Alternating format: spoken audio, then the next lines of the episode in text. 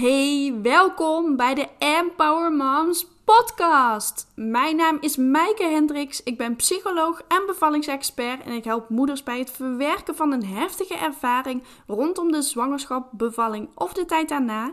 En daarnaast begeleid ik ze ook naar het stukje ontspannen moederschap, vooral in het eerste jaar na de geboorte.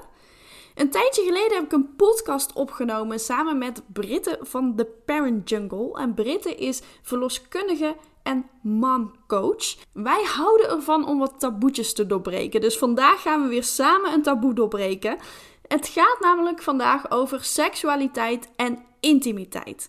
Hier willen moeders altijd alles over weten, maar helaas wordt er heel weinig over gesproken. Want durf jij bijvoorbeeld je seksleven te bespreken met je vrienden? De kans is groot van niet. En doordat er hier zo weinig over wordt gepraat, dachten Britten en ik van we nemen hier gewoon samen een podcast op over seksualiteit en intimiteit in het moederschap. Want seks na de bevalling, wanneer begin je daar dan mee? Wat als het wat minder makkelijk gaat? Hoeveel procent van de vrouwen heeft eigenlijk zes weken na de bevalling al seks gehad? En hoeveel na twaalf weken? Wat is normaal? We gaan alles bespreekbaar maken. Niks is gek. Dus ik hoop dat je er wat aan hebt. Ik wens je heel veel plezier met het luisteren naar deze podcast.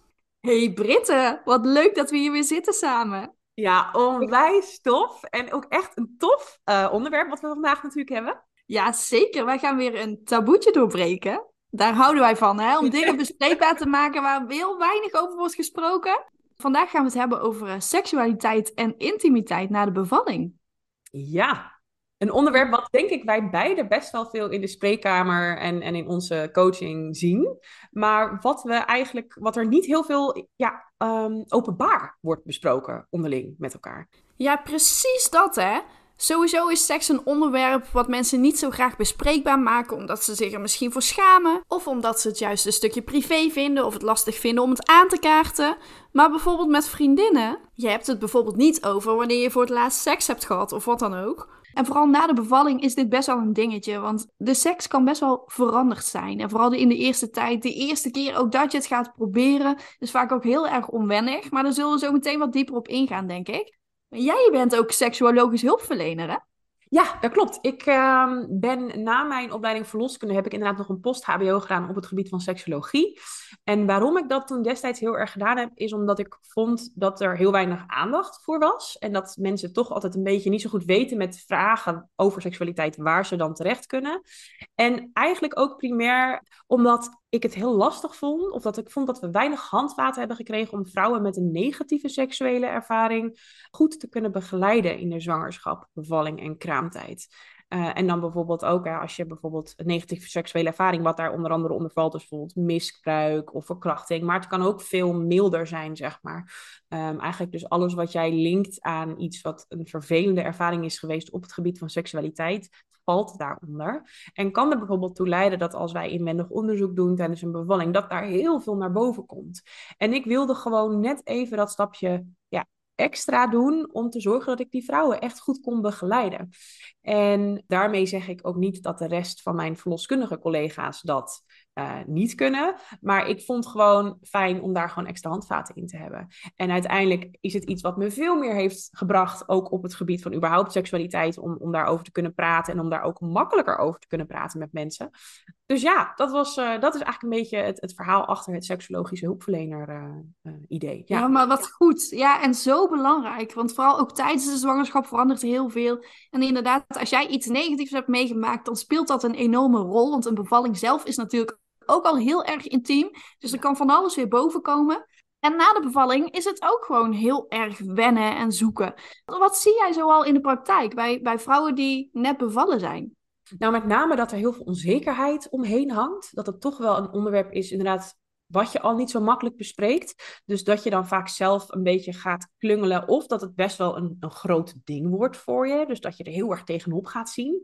Omdat het natuurlijk ook allemaal veranderd is daar beneden. Er is een kind langs gegaan. Maar buiten dat, want seks is eigenlijk een heel groot stuk mentaal. We denken altijd dat het heel fysiek is, maar met name mentaal heeft heel erg veel invloed op uh, de manier waarop je opwinding ervaart en hoe je ook de seks zelf ervaart. Zeker dat stuk, daar zie ik gewoon heel veel problemen tussen aanhalingstekens ontstaan. Dus behalve dat er fysiek wat veranderd is, ontstaat er ook een mentale verandering, omdat je gewoon een nieuwe rol hebt als moeder. En ook tussen jou en je partner verandert die relatie, omdat je ook uh, uh, ja, beide ouders wordt. Dus je krijgt ook een andere verhouding samen. En dat kan er best wel toe leiden dat alles bij elkaar zo'n eerste keer best wel nou, een ding kan zijn. Ja, zeker er speelt gewoon heel erg veel na de bevalling. En je bent heel erg zoekende naar die nieuwe rol als ouders. Je hebt die hormonen die door je lijf razen, wat ook niet te onderschatten is. Dat is echt wel een dingetje. Je hebt gebroken nachten, dus onwijs slaapgebrek. Dat speelt allemaal een rol natuurlijk. En ja, weet je, de relatie met je partner verandert ontzettend op het moment dat jij een kindje krijgt. Want je hebt natuurlijk veel minder tijd voor elkaar. Je, je bent echt aan het zoeken van hoe kun je die tijd met je partner verdelen. En ook als jij borstvoeding geeft, want borstvoeding speelt ook een enorme rol natuurlijk in, in dat stukje uh, seksualiteit. Ook als je borstvoeding geeft, dat kan ook best wel een, een drempel zijn om daadwerkelijk met die seks te gaan beginnen.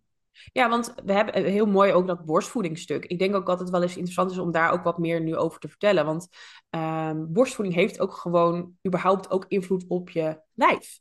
Um, hoe, jij, uh, hoe, het, hoe je met seks omgaat.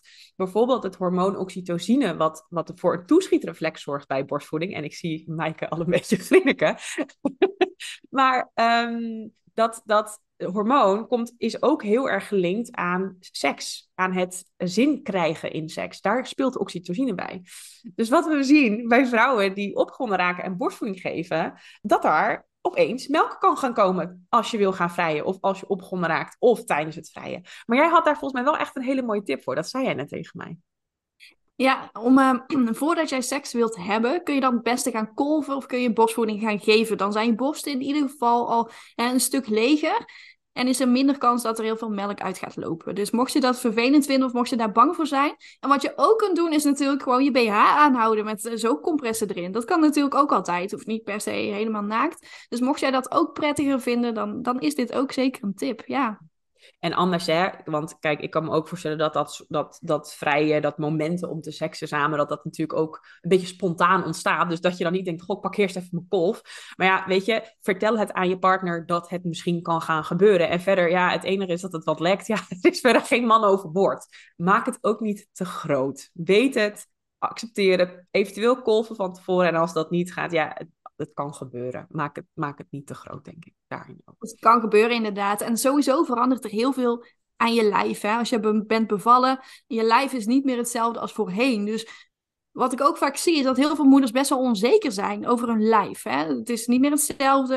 Je bent misschien nog een paar kilo zwaarder dan voor je zwangerschap. Je buik is niet meer zo plat. En daar beneden, hè, je hebt een bevalling doorstaan. Dus daar kun je ook onzeker over zijn als je bijvoorbeeld een knip hebt gehad of bent uitgescheurd. Van ja, hoe gaat dat dan? En hoe ziet het er daar beneden dan uit? Dus dat merk ik wel vaak bij moeders. Dat het echt dat stukje onzekerheid is waar ze tegenaan lopen. Van oh jeetje, um, vindt mijn partner me bijvoorbeeld nog wel aantrekkelijk? Hè? Want die heeft misschien dat kind geboren zien worden uit mijn vagina. Dus die associeert misschien de seks met iets heel anders. Ja, dat hoor ik ook wel eens terug van partners.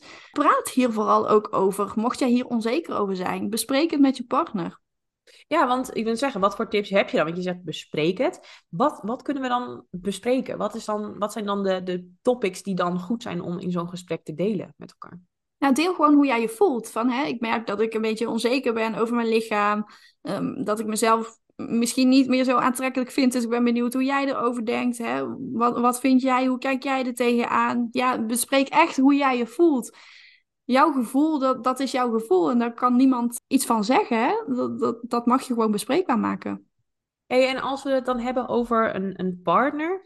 Uh, heb jij ook nog ideeën over discrepantie tussen libido? Dat wat als de ene van, de, van, van, van jou, jij of je partner meer zin heeft dan de ander? Heb je daar tips voor? Ook dat kun je bespreekbaar maken. En vooral voor een partner is het natuurlijk heel anders. Want jij hebt misschien zo'n idee van, joh, weet je, ik ben nog helemaal niet toe aan seks na de bevalling. Want ik heb nog allerlei pijnen of ik voel me er gewoon nog niet klaar voor. Dat is helemaal oké. En voor je partner is er gewoon ja, niet veel veranderd aan zijn lijf. Hè? Dus hij ervaart dat niet. Dus wat je ook vaak ziet, is dat partners er meestal wel weer sneller klaar voor zijn dan de vrouw zelf. Maar ook dit kun je gewoon bespreekbaar maken. En bovendien, hè, seks hoeft niet per se meteen penetratie te zijn. Je kunt ook gewoon knuffelen of zoenen of hè, een massage geven. Dat kan ook. Dus begin gewoon klein.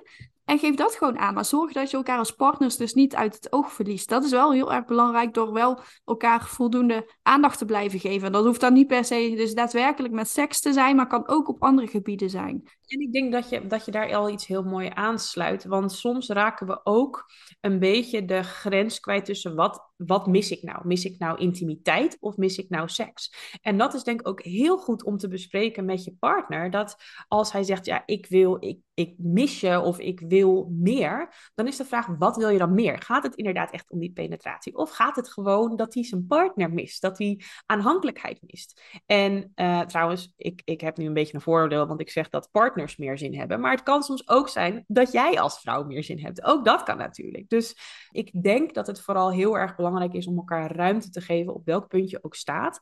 En ik denk ook dat er bij de partner die meer zin heeft, het soms heel erg de angst ook is van het komt nooit meer goed. Maar dat komt, het komt goed. Het, het, is, het heeft soms gewoon even tijd nodig. Dus ik denk ook dat het heel belangrijk om te noemen is, als jij degene bent die minder wilt, om te zeggen van joh, ik ben er niet, maar ik ben er nog niet. Stap voor stap. Ik merk dat ik mentaal nog moet genezen. En benoem misschien ook dat het niet aan hem ligt. Of aan haar, uh, als je man bent en ja, luistert. Ja, ja, zeker. Maar dat is echt een hele goeie en een hele belangrijke. En ook als jij zelf er nog niet klaar voor bent, dan is dat ook helemaal oké. hè? en vraag jezelf dan af ook van, wil ik het niet? Of durf ik het gewoon nog niet aan? Want daarin zit wel een belangrijk verschil. Als je het nog niet wil, is dat helemaal oké. Geef het de tijd en durf je het nog niet aan, dan is het wel belangrijk om te kijken van, hé, hey, maar waardoor komt dat dat ik het nog niet aandurf? Hè? Heeft dat ook meer tijd nodig? Of ben ik gewoon bang? Hè? Was die bevalling bijvoorbeeld heel erg gecompliceerd, heel erg intens? Zijn er heel veel dingen gebeurd waardoor je niet meer durft te genieten, bijvoorbeeld van seks? Dus dat is wel belangrijk om aan te kijken van oké, waar, waar zit het dat dan in? En daardoor kun je ook natuurlijk heel erg gespannen worden. Hè? Je kunt daardoor ook meer pijn ervaren op het moment dat jij eigenlijk als het ware gaat verkrampen. Als je dan wel weer met seks wilt gaan starten. Terwijl jij, hè, je wilt het misschien zelf niet, maar voor je partner doe je dat dan. Ja, dat kan natuurlijk ook heel veel spanningsklachten veroorzaken, waardoor het eigenlijk niet heel erg prettig gaat voelen. Nee, en daar zeg je ook wel heel wat, wat goeds, denk ik. Want um, pijnklachten en spanningsklachten, dus dat je heel erg aanklampt en je partner bijvoorbeeld niet eens goed naar binnen bijvoorbeeld kan bij penetratie. Dat zijn eigenlijk de twee meest voorkomende klachten die we zien bij, bij vrouwen daarin. En meestal wat, wat er ontstaat is een soort vicieuze cirkel. Want je wil misschien geen nee zeggen tegen je partner, je voelt je schuldig, dus je gaat vrijen. Maar eigenlijk ben je dan niet echt goed opgewonden. Dus wat er gebeurt er? Je bent droger, waardoor je pijnklachten ervaart. Dus wat ga je doen? Je gaat aanspannen. Waardoor je weer meer pijn krijgt, waardoor je gaat aanspannen. En zo kom je dus in een vicieuze cirkel. Dus heel, heel, heel erg duidelijk. Als jij pijn ervaart bij het vrijen, stop dan. Denk dan dus niet, ik moet er even doorheen of ik moet het voor mijn partner doen. Want je maakt het dus uiteindelijk alleen maar erger door over je eigen lichaamsgrenzen heen te gaan. Daarbij, zeker met vrije, er kunnen dingen heel erg opgeslagen worden in je lichaam. Dat is dus ook een reden waarom bijvoorbeeld na de bevalling je er echt wel last van kunt krijgen of dus spanningsklachten ervaart, omdat daar natuurlijk nogal wat gebeurd is. Maar ook als je dus daarna doorgaat met pijnklachten, kan dat gevoel, die angst, opgeslagen worden in je lijf, waardoor elke keer als je weer gaat vrijen, dat je dan al bij voorbaat aankrampt. Dus als je spanning voelt, als je voelt ik ben er nog niet klaar voor, dan heb jij en je partner dus het meeste baat bij om er even, even rust te nemen, om het heel even te laten. Probeer het twee weken later opnieuw, of drie weken, of vier weken, of weet ik veel. Maar probeer het later opnieuw. Um, gebruik bijvoorbeeld ook glijmiddel. Je kan wat droger zijn als je borstvoeding geeft door de hormonen. En jij had ook nog wat tips hè, voor, voor die eerste keer, zeg maar weer. Ja, bespreek het vooral. Hè. Bespreek waar je bang voor bent. Bespreek als jij heel veel spanning gaat ervaren. Dat je bang bent dat het niet gaat lukken. Dus maak dit vooral ook bespreekbaar. En begin ook rustig en ontspannen. En geef dan ook aan van ja, het hoeft niet per se tot penetratie te leiden. Ik wil gewoon even gewoon gezellig met jou samen zijn en we zien wel hoe het loopt. Dat haalt vaak ook die druk ervan af. Waardoor het ook veel makkelijker wordt. Als er geen verwachtingen zijn, dan zul je ook merken dat, dat het sneller wel gaat lukken. En ook als het niet lukt, is het helemaal oké. Maar weet vooral ook, hè, het moet geen pijn doen. Pijn is niet goed. Hè, als het nog pijn doet, geef het dan even de tijd vooral. Hè. Meestal zeggen we begin na zes weken ongeveer na de bevalling, hè, kun, je, kun je er weer mee gaan proberen. Maar ook daarna, als het pijn doet, ja, pijn hoort er eigenlijk niet echt bij. Dus mocht jij maanden na de bevalling nog steeds heel veel pijn ervaren, dan is het zeker wel belangrijk om aan de bel te trekken. En uh, hulp te zoeken bij bijvoorbeeld een, een bekkenfysiotherapeut. Ja, dus en dan kun je, want daar ook nog even een tip in, want je kan in principe ook terecht bij een huisarts of bij een bekkenbodemfysiotherapeut, of dus seksologische hulpverleners, zoals ik. Dat zijn ook mogelijkheden. Het nadeel is dat we niet heel veel, een heel goed duidelijk netwerk hebben waar mensen met dit soort klachten terecht kunnen. Huisartsen voelen zich ook soms ook een beetje, een beetje zwemmend. Um, binnen bekken, bekkenfysiotherapeuten zijn er ook seksologische hulpverleners. Dus het is soms ook goed te kijken of er dus fysio's zijn die daar nog een extra stap in hebben gezet, net zoals ik. Want daardoor heb je eigenlijk een heel mooi totaalplaatje. En voor degene die het een beetje spannend vinden, zo'n bekkenfysio, wat ze eigenlijk gaat doen met je, is stap voor stap kijken hoe ze je kunt ontspannen, waar er klachten zitten en of het misschien ook nog een stukje genezing is. Stel dat je bijvoorbeeld echt, want dat is nog wel een goede, zit de pijn diep van binnen en vind je het moeilijk om te ontspannen, dan is een bekkenbodemfysio een heel goed idee. Zit de pijn heel oppervlakkig aan de buitenkant, kan het ook zijn dat het misschien nog een stukje wondgenezing is. En dan is het verstandig om toch heel eerst even langs de huisarts te gaan om te kijken of er misschien toch iets niet helemaal goed geheeld is. Betekent niet dat het fout gehecht is, dat zeg ik er altijd even bij. Maar met name, je lijf eh, gaat het hele op zijn manier. Dus daar kan best wel wat aan gedaan worden. Maar ga er, dat, ik denk het allerbelangrijkste wat we hier allebei zeggen, ga er niet mee rondlopen. Want daardoor wordt het er niet beter van. Het krijgt steeds meer lading. Uh, en wat ik echt nog een hele goede tip vind, want jij zei ook, maak het bespreekbaar. Maar maak het bespreekbaar niet op het moment zelf doe het even daarvoor of daarna. Want als je daar allebei kwetsbaar ligt en dan zegt, ja, ik vind het lastig, kan dat soms heel erg lastig zijn voor jullie beiden als partner uh, en de emoties onbedoeld hoog oplopen. Dus rustig moment, niet tijdens de daad zelf. En al, je mag natuurlijk best praten tijdens de daad zelf, bedoel maar wat. Hè? Maar um, dit, soort zwaar, dit, dit is voor, vaak voor beide partners best wel beladen. Dus ga, zoek er een moment voor waarin het rustig is voor jullie beiden om het erover te hebben. En veilig ook vooral is. Ja, zeker. Heel belangrijk. Vooraf bespreekbaar maken. En uh, juist dan kun je het er rustig over hebben en besluiten van hè, gaan we het wel proberen, gaan we het niet proberen. En er is geen goed of fout in deze. Hè? Jij doet gewoon wat goed voelt voor jou en wat goed voelt voor je partner. En als jullie er beide achter staan, dan is dat helemaal oké. En of dat nou na, na drie weken na de bevalling is, als bloedverlies over is, of na zes weken na de bevalling, of na acht maanden na de bevalling, of een jaar na de bevalling, dat, is, ja, dat maakt niet uit. Dat is helemaal oké. En dit is misschien ook nog wel een mooi om te bespreken, want uit, uit onderzoek blijkt dus dat 41% van de stellen zes weken na de bevalling weer seks hebben gehad. Dus 41%. En na zes maanden is dit opgelopen tot 94%. Dus de meeste vrouwen hebben na ongeveer zes maanden weer seks. Dus verwacht ook niet dat het per se na die zes weken dan weer helemaal top moet zijn. Of je moet echt gaan starten omdat iedereen het dan weer doet. Nee, dat hoeft helemaal niet. Dus kijk vooral wat voelt goed voor jullie. Ben je er al aan toe? Ben je er nog niet aan toe? Helemaal oké. Ja, daar sluit ik me helemaal, uh, helemaal bij aan. Uh, absoluut. Ja, had jij nog tips hoe je seks weer makkelijk op kunt gaan starten na de bevalling? Nou, wat ik met name heel erg zie, is dan toch een beetje die beladenheid. Maak het ook gewoon. Maak er een lolletje om. Maak het grappig. Het is voor jullie beide spannend. Dus probeer het ook niet te groot te maken voor jezelf. Probeer niet te denken, wat nou als het niet lukt? Ja, maar dan lukt het niet, dan probeer je het weer later opnieuw. Dus haal heel erg de druk eraf. En nogmaals, besef je ook dat het vaak voor je partner ook weer spannend is. En daarbij zeg ik ook altijd dat wij het als vrouw, zeker uh, hoe hoog we de lat leggen voor ons lichaam, uh, dat het vaak voor onze partners veel minder uh, een ding is hoe wij eruit zien, dan dat we dat van onszelf vinden. Dus probeer ook een beetje onderscheid te maken van wat is nou echt feit, wat vindt hij nou echt en wat vind je zelf, wat leg je jezelf op.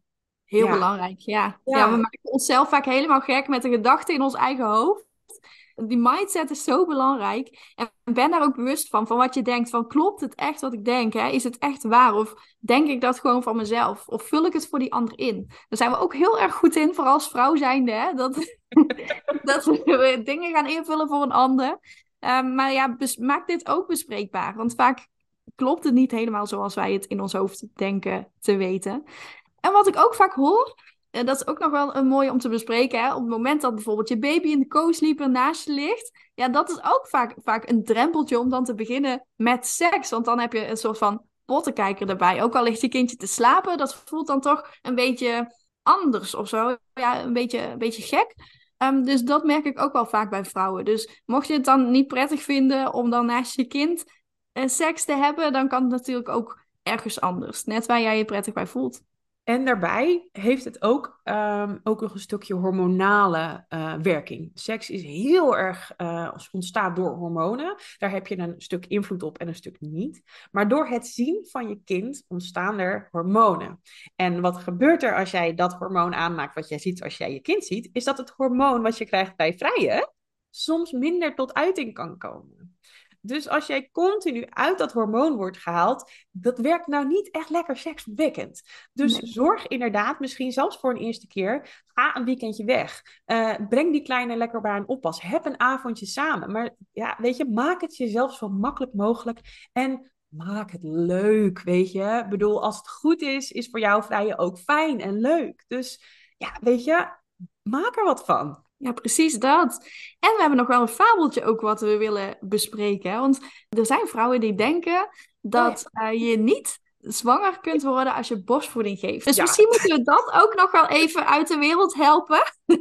je kunt zwanger worden op het moment dat jij borstvoeding geeft. Zelfs al voordat je voor het eerst ongesteld bent geweest. Dus ben hier wel alert op dat dit dus wel mogelijk is. Ja, en we, mocht je googlen en de LAM, de lactatie-amenorreu-methode tegenkomen, dat is dus de methode dat die eigenlijk zegt, als jij heel consequent om de zoveel uur borstvoeding geeft, dan kan het niet zo zijn dat jij weer een ijsprong krijgt.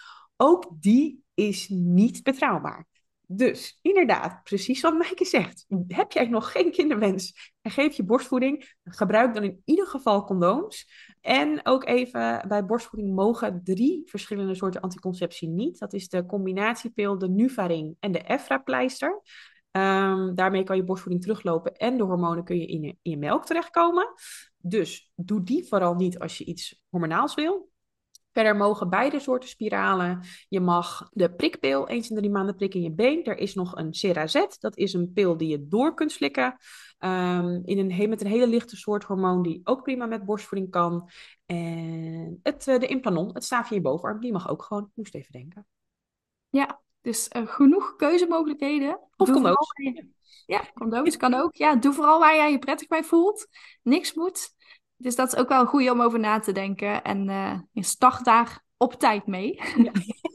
Niet dat je voor uh, ongewenste verrassingen komt te staan. Uh. ja, en weet je, um, mochten mensen, wat je zegt, mocht, staat er niet te laat mee, wanneer mogen mensen weer beginnen met anticonceptie? Ja, het ligt eraan wat je gebruikt natuurlijk. Hè. Volgens mij mocht die minipil is van drie weken na de bevalling, dacht ik. Ja, nee, we meestal zeggen we houden er even zes tot acht weken tussen. Als je begint met iets hormonaals te slikken of te prikken bijvoorbeeld. De spiraal even tien weken na de bevalling kun je die laten zetten. Maar drie weken, het mag wel, maar mijn advies zou zijn om het heel even je lijf te, te normaliseren qua hormonen.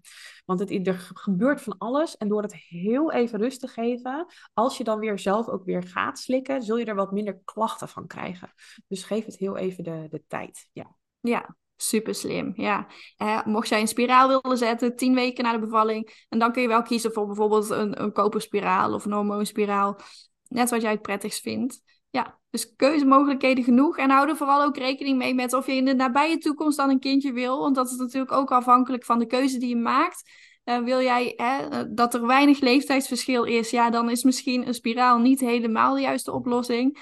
Dan kun je beter voor iets anders kiezen. En mocht jij zoiets hebben van, nou weet je, mijn kinderwens is vervuld, ja, dan, dan kun je gewoon kiezen wat, uh, wat jij graag het prettigst vindt. Dus dat is wel een mooie om rekening mee te houden ook. Zeker, zeker. En trouwens, spiralen plaatsen, daar dacht ik als nog wel even een goede. De meesten weten niet dat verloskundigen vaak ook spiralen plaatsen. En soms voelt dat net even iets laagdrempeliger dan een huisarts, omdat je die vaak niet zo heel vaak ziet. Dus mocht je denken, oh ja, dat wil ik wel, maar ik vind het spannend om te laten plaatsen, kijk dan ook op welke plek het voor jou het fijnste voelt, waar jij zelf het meest ontspannen bent. Ja, ik denk dat we al heel eind zijn. Missen we nog iets? Um, nee, volgens mij hebben we al best wel wat besproken. Ja, volgens mij ook. Ik denk dat we er wel zijn. Oh nee, dat was nog even. Want waar wij het nog in het begin even over hadden, was relatie tussen een heftige bevalling en bijvoorbeeld depressieve klachten en het wel of niet seks hebben. Zit daar iets van een relatie tussen? Nou, je merkt vaak wel, de vrouwen die echt iets heftigs hebben meegemaakt, echt een traumatische bevalling, die zijn daar minder met seks mee bezig. Die staan sowieso al constant aan, hebben het gevoel alsof ze zichzelf zijn kwijtgeraakt. Ja, die hebben flashbacks, nachtmerries, voelen zich eigenlijk niet meer helemaal zichzelf. Um, dus dan is die stap om seks te hebben natuurlijk ook een stukje groter. Dus dat merk je wel. En vooral als het dan een hele gecompliceerde bevalling is geweest, met bijvoorbeeld een vacuümpomp of wat dan ook dat is echt best wel een dingetje wat ik vaak zie. Of, of als er echt, uh, als je volledig bent uitgescheurd, hè, dat is ook best wel een stap om dan daadwerkelijk met die seks te beginnen. Um, dus dat merk je wel. Maar ja, over het algemeen, hè, uh, je moet gewoon kijken wanneer jij er klaar voor bent. En ik spreek ook vaak vrouwen die aangeven van, joh, ik heb het wel weer gewoon geprobeerd met mijn partner. En dat ging eigenlijk wel goed, dus die vrouwen zijn er ook. Dus maar weet dat het in ieder geval wel kan, dat het erbij kan horen op het moment dat jij dus iets heel erg traumatisch hebt meegemaakt, dat jouw libido eigenlijk heel erg laag is. Ja, dat, dat is normaal, helaas. Dus um, het kan maar, erbij.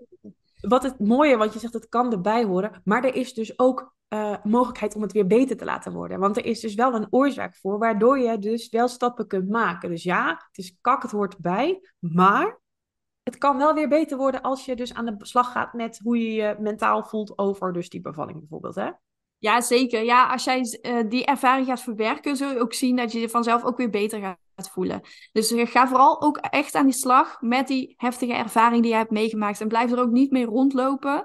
Want dat is super zonde. Je hebt, merkt nu al dat het zoveel effect heeft op je leven. Dus schroom niet om daar hulp bij te zoeken. En vaak heb je geen maandenlang traject nodig om uh, die ervaring te verwerken. Dus ja, dat is echt wel een dingetje. Ik snap, ik snap echt dat die stap moeilijk is om hulp te gaan zoeken, omdat we denken, oh, het gaat vanzelf wel weer voorbij. Hè? Het is er vanzelf gekomen, dus geef het de tijd, dan wordt het vanzelf beter. Maar echt iets traumatisch wordt vaak niet vanzelf beter. Dus dan is het zeker goed om daar op tijd bij te zijn, omdat het dus heel veel effect heeft op hoe jij je voelt, maar ook op hoe je partner uh, zich voelt. Het heeft heel veel effect op je gezin, hè? De, de relatie met je kindje dat je misschien niet helemaal beschikbaar kunt zijn voor je kindje. Dus ja, super belangrijk om hier dan wel iets mee te doen. Mocht jij dus iets heftigs hebben meegemaakt, dan kun je me altijd een berichtje sturen op Facebook of Instagram EmpowerMomsNL. Of je kunt even kijken op mijn website www.empowermoms.nl tbt. Daar vind je namelijk veel meer informatie over het traumaverwerkingstraject, waarin je in één sessie van twee uur jouw traumatische ervaring hebt verwerkt. Dus wil jij weer kunnen genieten van seks, wil jij weer kunnen genieten van je partner, van je kindje en gewoon weer echt van het leven Lees dan alle informatie even door en schroom niet om contact met me op te nemen. Dat is weer een, eh, een toffe aflevering volgens mij, eh, Mike. Ja, vond ik ook. Bedankt voor het luisteren. Tot de volgende keer.